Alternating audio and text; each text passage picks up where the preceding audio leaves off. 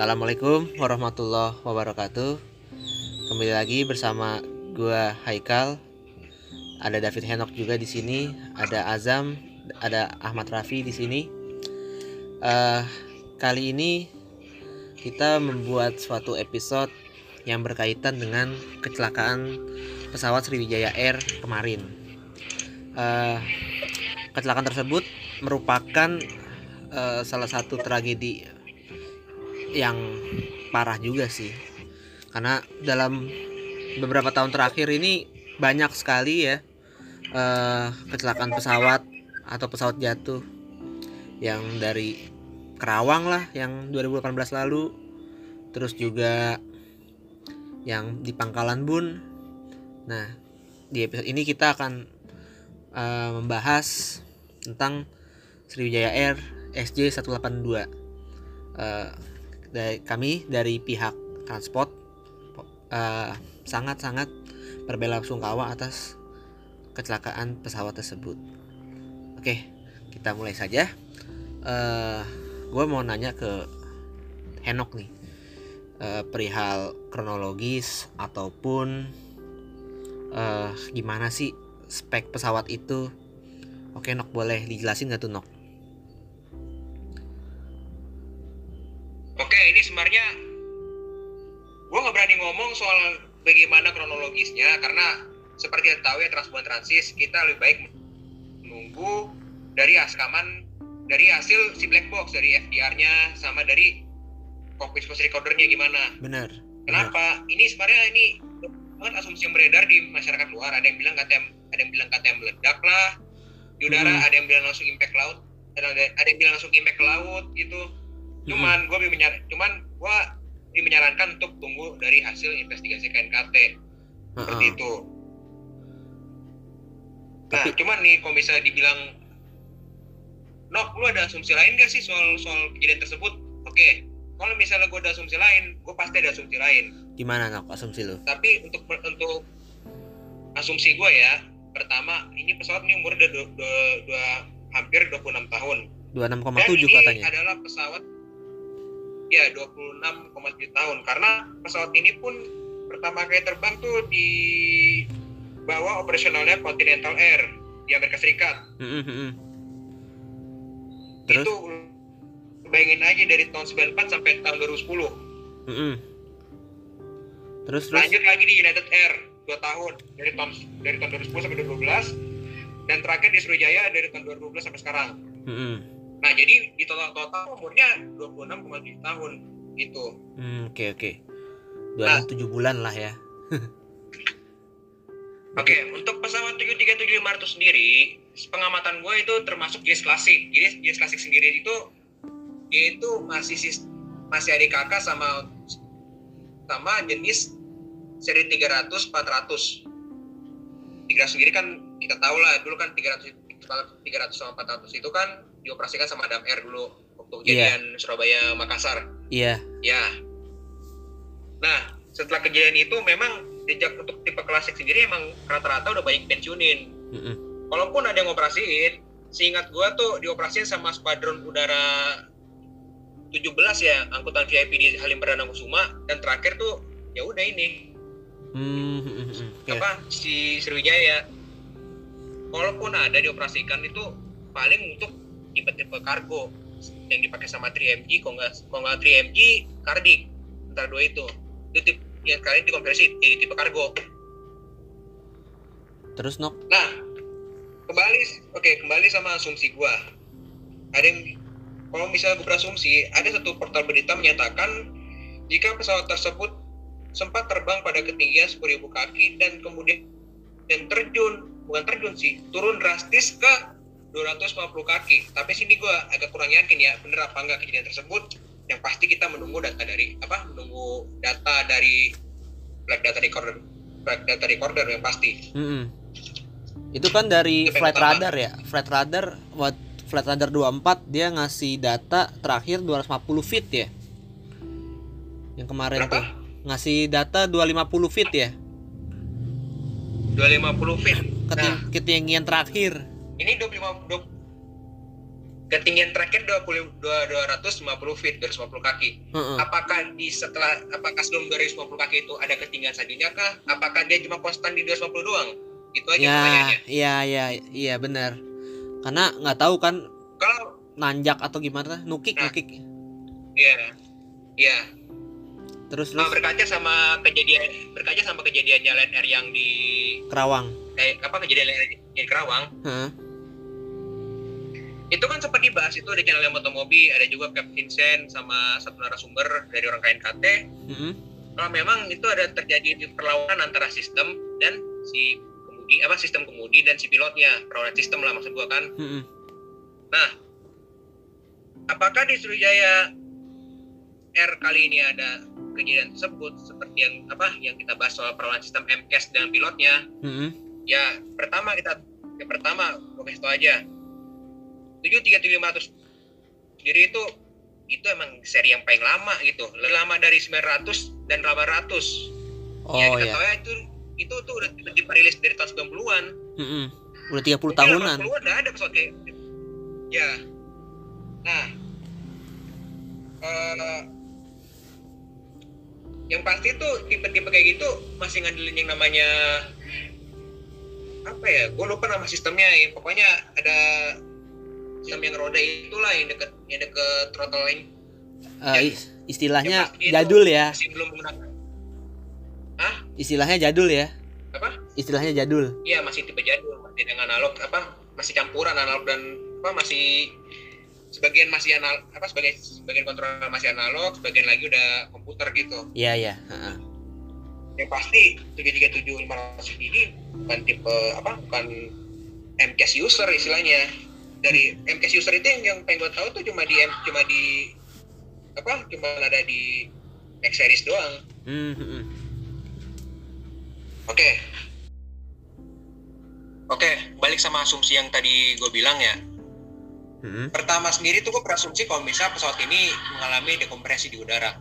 ah, Jadi tuh dekompresi sendiri tuh kejadian apa dekompresi itu kejadian di mana tekanan udara di kabin tuh menurun tekanan udara di luar kabin. Mm, Kita tahu tekanan udara kita tahu kalau misalnya makin tinggi makin makin tinggi berarti tekanan udaranya makin kecil. mm-mm. itu soalnya tekanan tekanan kabin yang yang gue baca di buku penerbangan ya tekanan kabin tekanan kabin itu di sekitar 200 2500 kaki entah Mm-mm. di sekitar segitu entah segitu apa gue lupa yang pasti tuh kalau misalnya udah sampai 10.000 kaki itu pasti udah udah udah udah signifikan banget perbedaan tekanannya gitu. Nah, gue berpikir seperti itu kalau misalnya dekompresi kabin, berarti bisa jadi terjadi kerusakan yang atas apa terjadi terjadi kerusakan yang cukup parah pas lagi terbang Mm-mm. apalagi kan dibanting-banting tuh sama turbulence dan segala macamnya Ah-ah. pasti tuh jadi ada semacam kerusakan kerusakan body gitu ya akhirnya amit-amit cabang bayi body yang terkelupas terus kabin terekspos begitu aja.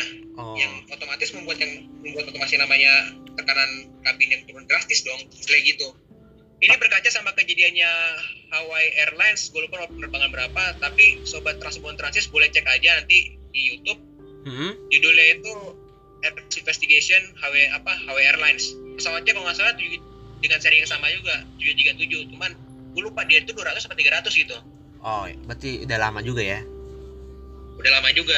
Tapi di kejadian tersebut sekalipun ada krus apa sekalipun bodi terkelupas pesawat masih bisa mendarat dengan selamat gitu meskipun ya ada korban jiwa juga istilahnya gitu. Oke. Tapi gini nok. Eh ngomongin maintenance gitu. Ya.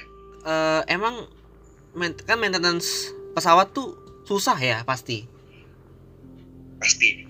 Tapi ini gimana nggak sih istilahnya tuh gue menganggap gini ya apa dari pihak maskapai itu kurang open kalau bahasa jauh open gitu ya ngomongnya. Kurang teliti atau kurang teratur gitu. Atau gimana? Karena kan pasti kan punya budgeting sendiri gitu loh untuk nge-maintain pesawat. Dan itu harus gitu karena untuk keselamatan.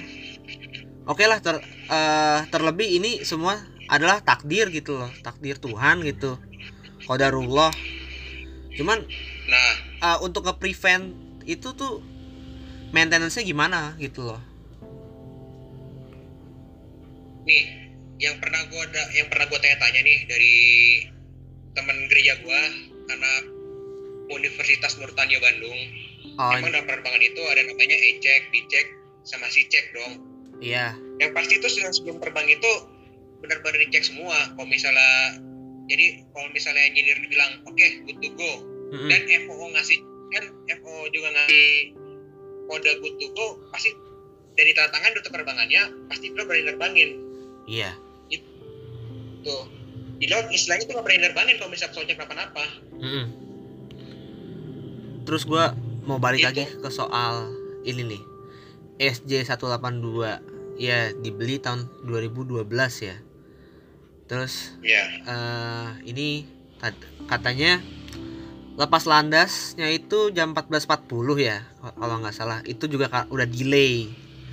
Udah pakai delay terus diproyeksikan nyampe Bandara Supadio Pontianak itu jam 15.15 terus setengah jam dong ya? Cepet juga berarti. Nah itu eh itu katanya eh, kan awalnya delay terus udah tuh eh, kan kita masih masalahnya itu kita masih belum tahu ya data pas lost contactnya itu jam jam berapa sih? Ya jam segituan dah pokoknya. Lost contactnya itu eh dalam posisi ketinggian berapa kan sebenarnya kita belum dapat data yang pasti ya Nok ya? Iya. Heeh. Cuman terus katanya ya banyak kan asumsi langsung beredar gitu kayak ada nelayan ngedengar suara kayak dum meledak, ada api, ada kayak bunyi petir segala macem di perairan pulau eh Laki sama Pulau Lancang, Kepulauan Seribu. Sebenarnya sih lebih dekat sama ke daerah Tanjung Kait, Tangerang gitu. Emang ya posisi situ sih kalau ke daerah eh, Kepulauan Seribu tuh. Terus abis itu yang gue bingung sih eh kan langsung dicari kan itu ya eh, sama Basarnas ya. Udah nemu berapa itu nok kepingan nok yang dari berita-berita. Soal kepingan sih gue ngitungin yang pasti tuh biar masyarakat eh, menjadi berita liar ya bagus juga itu ditutupi apa ditutupi soalnya maaf maaf aja nih ya udah kebanyakan media berita itu? Satu mengekspos kesedihan si iya. korban. Iya bener itu parah itu parah banget. Sampai di Batak Nesia aja gue pengen komen soal ngekspos. Mm-mm. kalau nggak salah katanya ada pramugari urus naga di dalam. Itu diekspos diekspos bener-bener itu kesedihan si keluarganya. Menurut gue tuh agak etis tuh sama aja. Lu, lu bilang jangan mengekspos kesedihan orang lain tapi dan Mm-mm. kesedihan tuh keluarga pramugari itu ekspos lu sama aja bohong dong. Iya kayak nyari Gitu. engagement.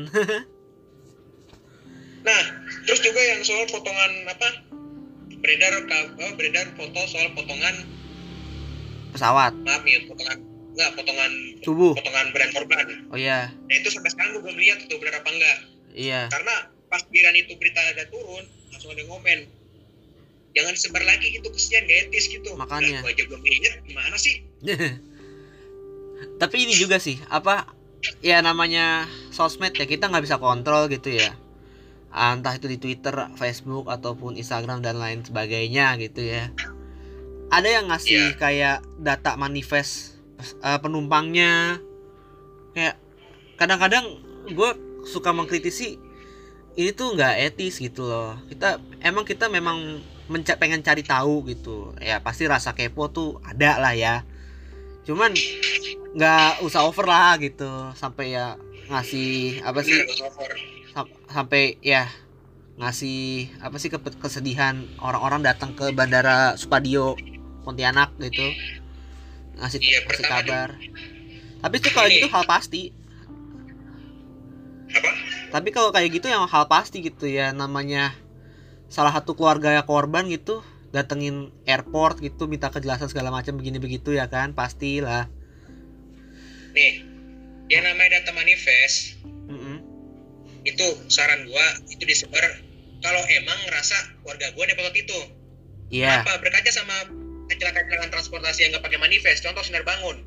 Ah, itu sinar bangun semuanya jadi jadi jadi bisa gue bilang kacau balau. Pertama manifest gak ada. Kedua kita semua nggak yakin gitu. Apakah ada keluarga gue naik kapal itu iya iya. Sedangkan kalau misalnya dalam, kecelakaan penerbangan itu jelas manifest ada. Kan data pakai apa dari data KTP data tiket segala macam. Pasti ada dong istilahnya. Ah, ah, ah, ah, manifestnya.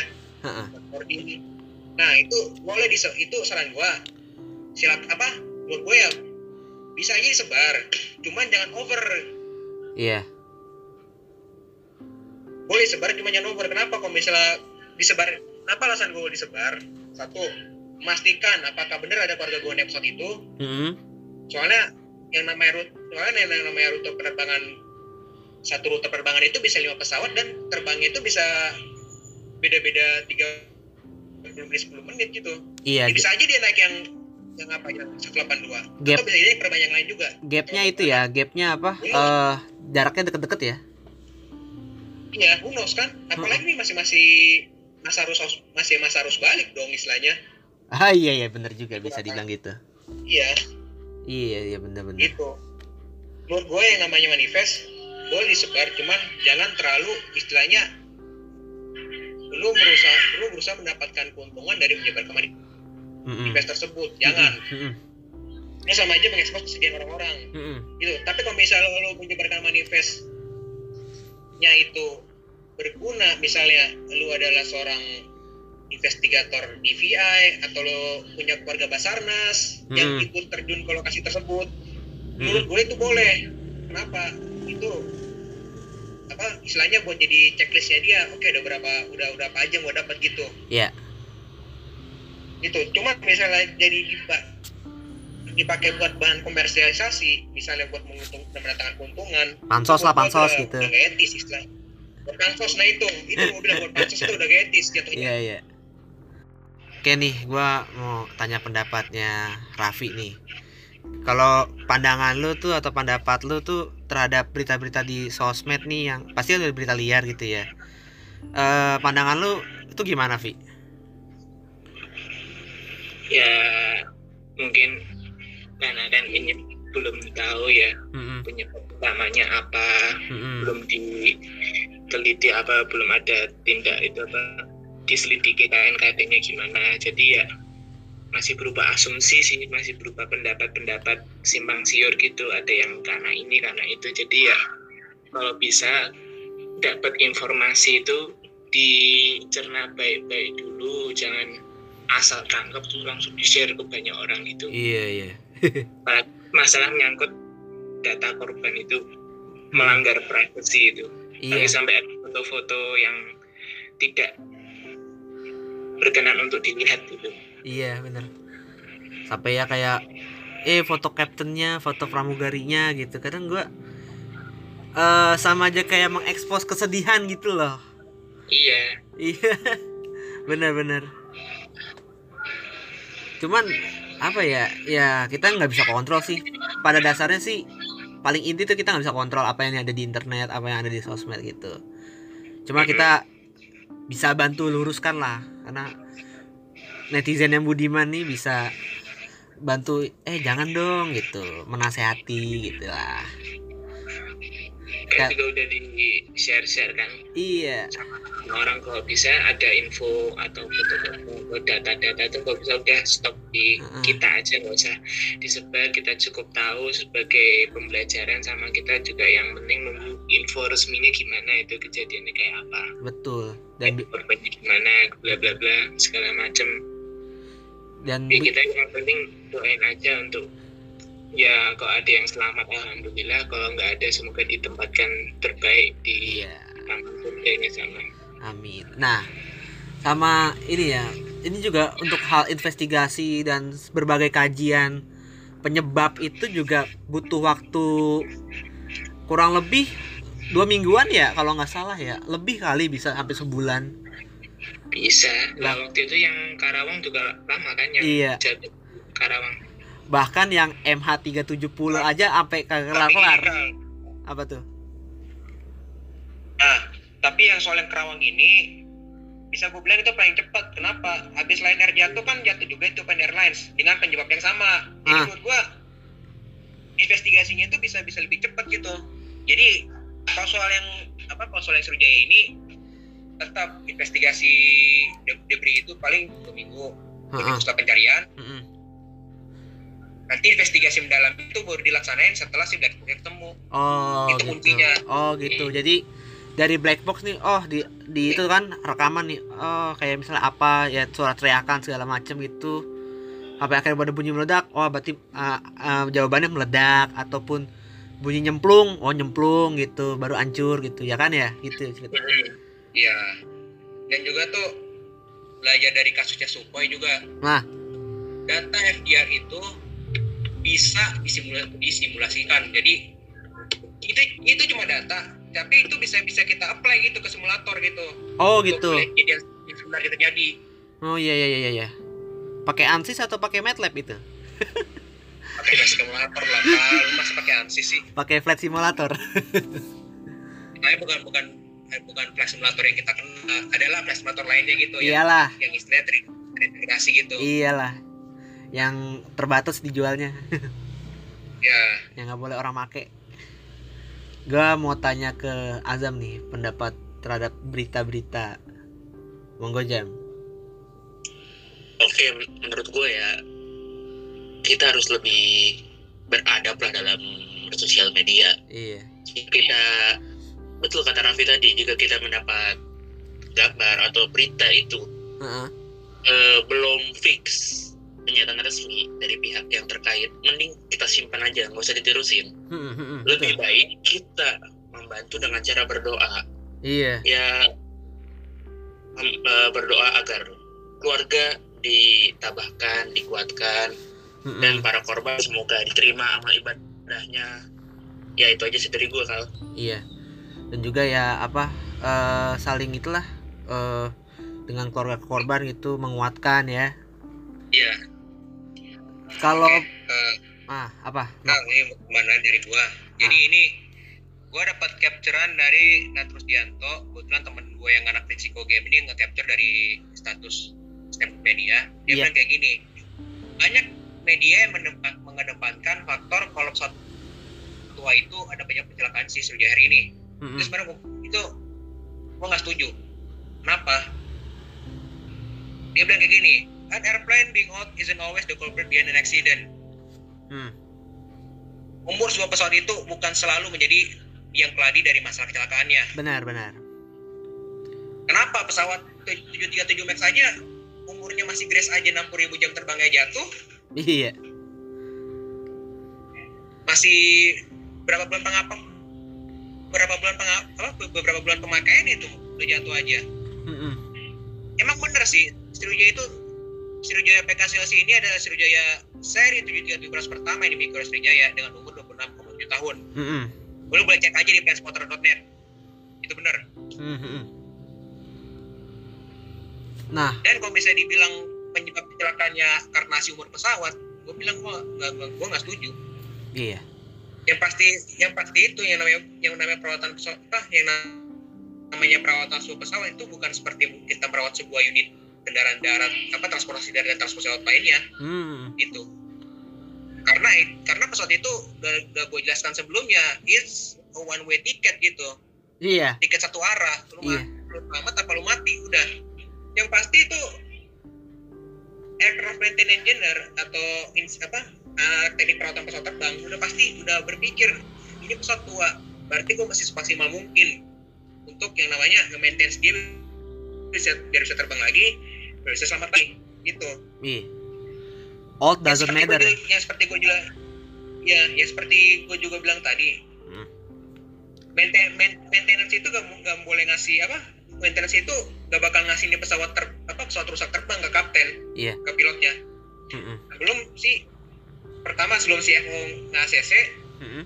kalau misalnya FO udah nge-ACC mulai terbang kapten oh, kapten berani terbangin Hmm, hmm. gitu itu yang gua, itu, itu yang yang gue bilang sebelumnya jadi dia menjelaskan ada namanya Swiss cheese theory yang artinya Apa tuh? yang artinya itu ada faktor rumit yang menyebabkan terjadinya sebuah kecelakaan. Dan cuma dan tidak hanya terjadi oleh satu faktor saja.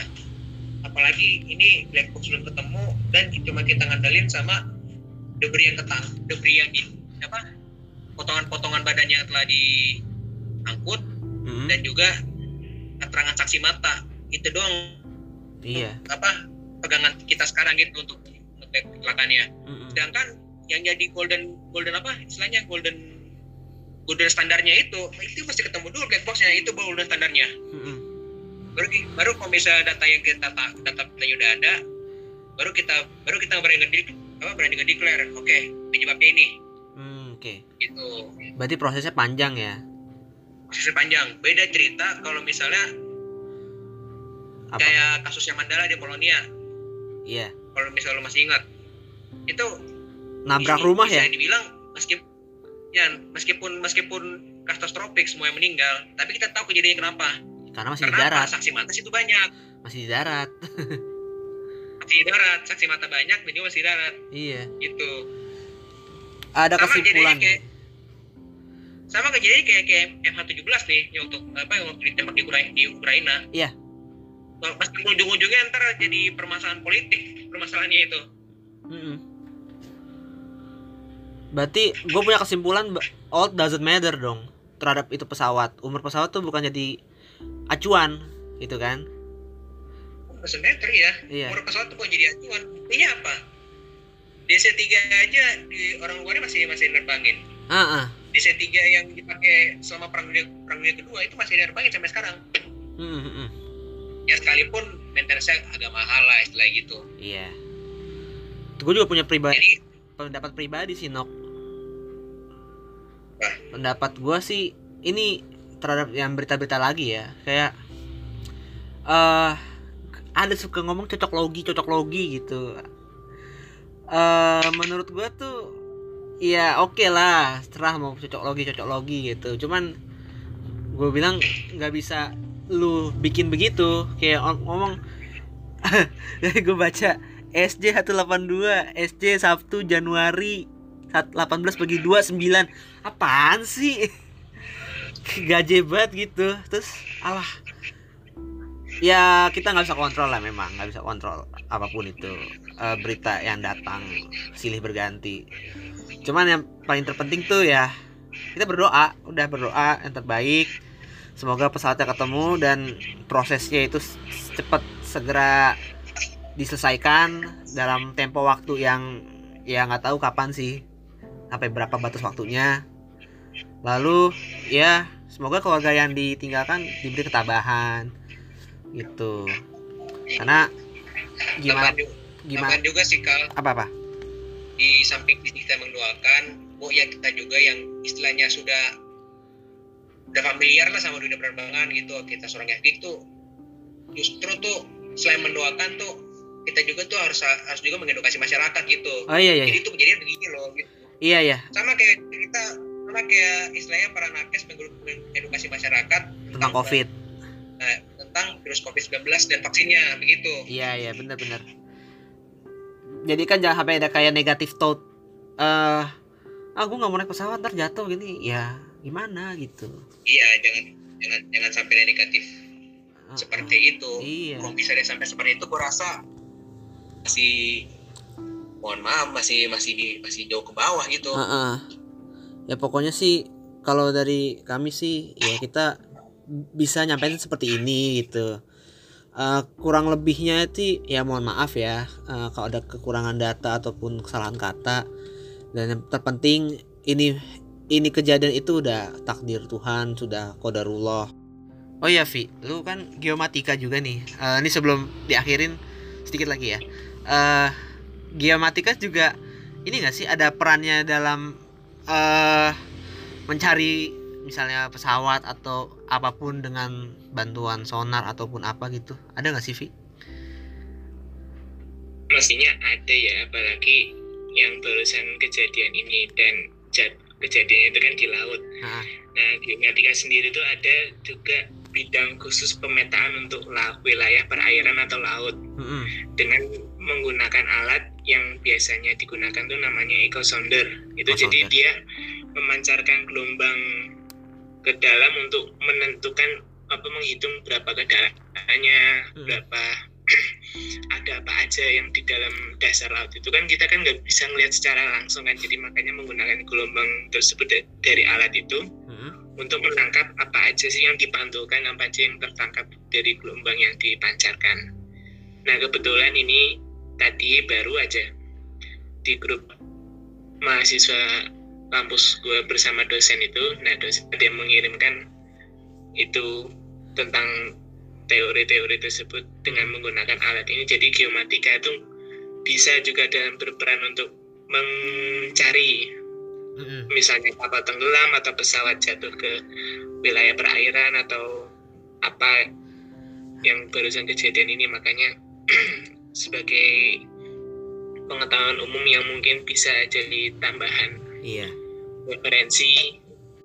Oke, terakhir mungkin dari Azam boleh nih eh, bacakan Al-Fatihah untuk untuk eh, penumpang yang menjadi korban pesawat Sriwijaya Air SJ 182 dengan kode registrasi PKCLC tadi itu ya.